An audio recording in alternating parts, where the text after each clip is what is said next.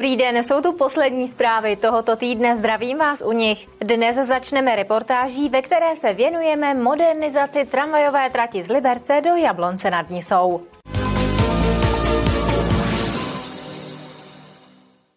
Po zmodernizované tramvajové trati se první cestující svezou nejdříve na podzem. Původně přitom mělo být hotovo v Dubnu. Navýšila se i cena za stavbu, dosahuje 900 milionů korun. Modernizace tramvajové trati z Liberce do Jablonce nad Nisou je jedním z největších projektů dopravního podniku. Na stavbě se každý den intenzivně pracuje. I přesto se ale musel termín dokončení odložit. Cílem tohoto snažení je tu trasu mít modernizovanou, to znamená rychlejší, to znamená pohodlnější, už ta tramvaj nebude jezdit lesem a v každé další zatáčce bychom si prakticky mohli sáhnout na strom. Díky modernizaci se cesta z Liberce do Jablonce zkrátí o dvě minuty a bude zároveň bezpečnější.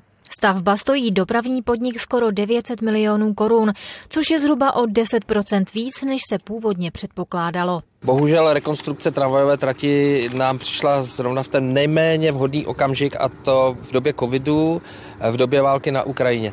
A s tím bylo spojená zvýšení cen ocely, což u tramvajové trati dělá poměrně vysokou částku. Samozřejmě je tady inflace. Přesto si myslím, že se nám nějakými jednáními podařilo cenu upravit o právě pouze těch 10%, tak to já považuji za úspěch. Životnost zmodernizované trati bude podle dopravního podniku 80 let. Pravidelná údržba a taková ta profilaxe trati eh, je každoroční náš úkol ale když se o tu trať hezky staráme, tak má prakticky řekněme tu 80 letou životnost. Po Liberci tramvaj na už 80 let jezdí. Samozřejmě, že ji musíme opravovat. Samozřejmě, že jde čas od času, dojde ke generální rekonstrukci, ale ta tramvaj pevně věřím, že tady s námi dalších 80 let bude. Tramvajové spojení mezi Libercem a Jabloncem je nejvytíženějším meziměstským spojem v regionu.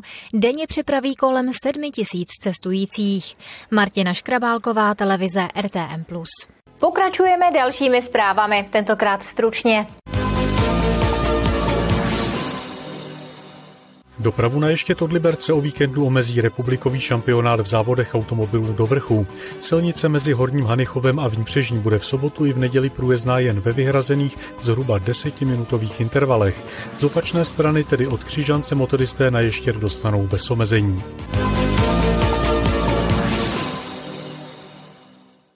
Liberecký kraj připravil nový dotační program na podporu ordinací praktických lékařů a zubařů. K dispozici v něm bude 4,5 milionu korun. Cílem programu je podpora obnovy zaniklých ordinací v obcích, převzetí existujících ordinací nebo vzniku nových tam, kde chybí. O peníze z programu budou moci žádat obce. Schválit ho ale musí nejprve krajské zastupitelstvo.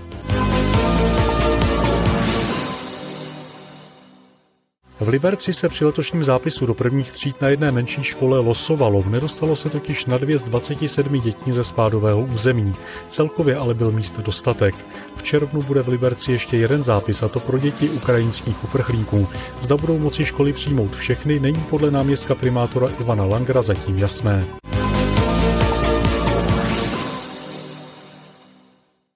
Chrastavané oslavili definitivní konec kováku. Na ploše, kde schátralá ubytovna dříve stála, předvedl imitátor Petr Jablonský originální show plnou humoru.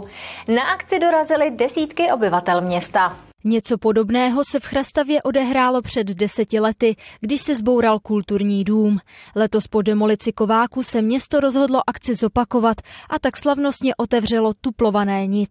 I když se v Chrastavě spousta věcí udělá nový, tak zde jsou dvě věci, které se vlastně odstranily, tak slavíme to, i když se podaří něco, co to nemá co dělat, odstranit. Od roku 2004 to prostě už byl dům hrůzy i s těmi obyvateli, kteří tam víceméně trpěli, nefungovalo tam nic, topení, voda, nic. Byla taková už na posvět sjezdu. Na slavnostním otevření tuplovaného nic opět nemohl chybět imitátor Petr Jablonský, který sebou přivezl několik zajímavých českých osobností. A přijdou jak politici, tak umělci oslavit to, že tady vlastně dneska otevíráme tuplované nic. Takže jako to bude taková všeho chuť známých osobností, které přijdou eh, pogratulovat. Pojmeme to jako legraci. Osobnosti mi slíbil, že se pokusí být vtipné, takže snad jo. Imitátor napodobil například bývalé české prezidenty Miloše Zemana a Václava Klauze. A je Je tady samozřejmě i člověk, který má Chrastavu obzvláště rád, a to je můj předchůdce Vašek Klaus. Ahoj Vašku, neříkej mi Vašku.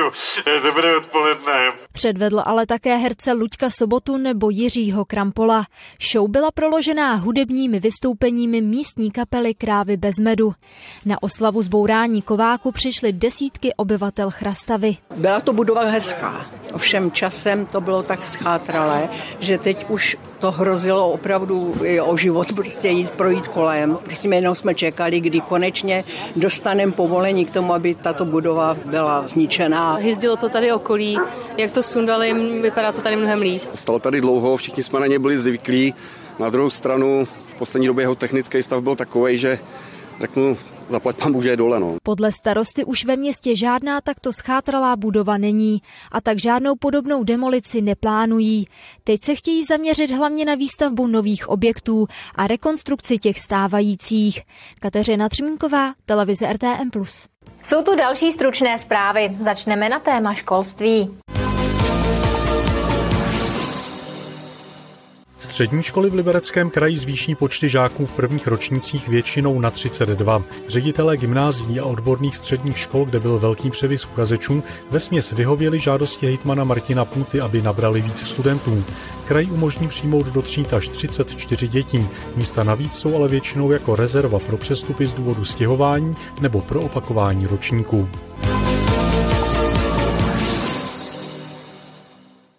Liberecký kraj ocenil úspěšné mladé olympioniky, kteří reprezentovali region na zimní olympiádě dětí a mládeže České republiky 2023.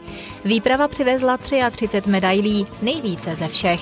Největší úspěchy slavili sportovci, kteří reprezentovali Liberecký kraj v běžeckém lyžování a lyžařském orientačním běhu. Tyto dvě sportovní disciplíny celkem přinesly 11 medailí.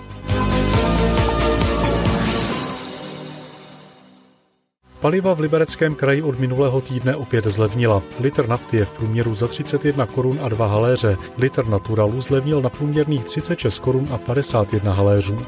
Ceny v Libereckém kraji jsou pod celostátním průměrem.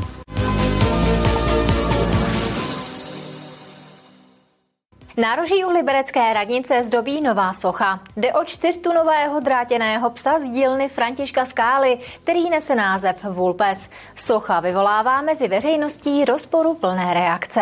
Nové umělecké dílo přicestovalo do Liberce z Drážďan. Čtyřtunová socha nahradila svítící plastiku pana Červeného. To je krásná tradice, že jo, když se nám to tady po roce jak na orloji střídá, po každý to je úplně něco jiného. Tak eh, letos myslím, že jsme přivezli impozantní sochu velkých rozměrů i velké hmotnosti. Je to Vulpes Františka Skály, významného výtvarníka, ale i muzikanta. František Skála při čtvrtečním slavnostním odhalení nemohl chybět. Spoustu přihlížejících lidí zajímalo, proč vlastně taková socha vznikla. No zaprvé mám rád zvířata, pak mám rád zvířata křížená, které nejsou úplně jasně daná, to znamená, toto je kříženec. A potom mám rád nestandardní sochařské postupy, které skýtají mnohá dobrodružství při výrobě. To znamená, že vlastně to bylo ovlivněno malým modílkem, který je udělaný ze žíní. Já si myslím, že to je Vulpes, což by měla být liška a tím pádem mi přijde, že má moc velký uši. Jinak je moc pěkná. Je to určitě něco jiného tady v tom prostoru, takže za mě super. Já si myslím, že je dobře, že tady je něco takového na náměstí. Tomu dodá úplně jako jiný ráz a myslím si, že je dobře, když se lidi zastaví a podívají se na to. Výroba tak velké sochy, která má od čumáku po konec ocasu 7 metrů prý, nebyla jednoduchá. Několika člený tým na ní pracoval řadu měsíců a použil přitom asi 350 kilometrů drátů. Umělecká díla různých autorů se na náruží uradnice střídají od roku 2005. Podle města jde o příjemnou tradici, ve které chce pokračovat i v dalších letech. Martina Škrabálková, televize RTM+.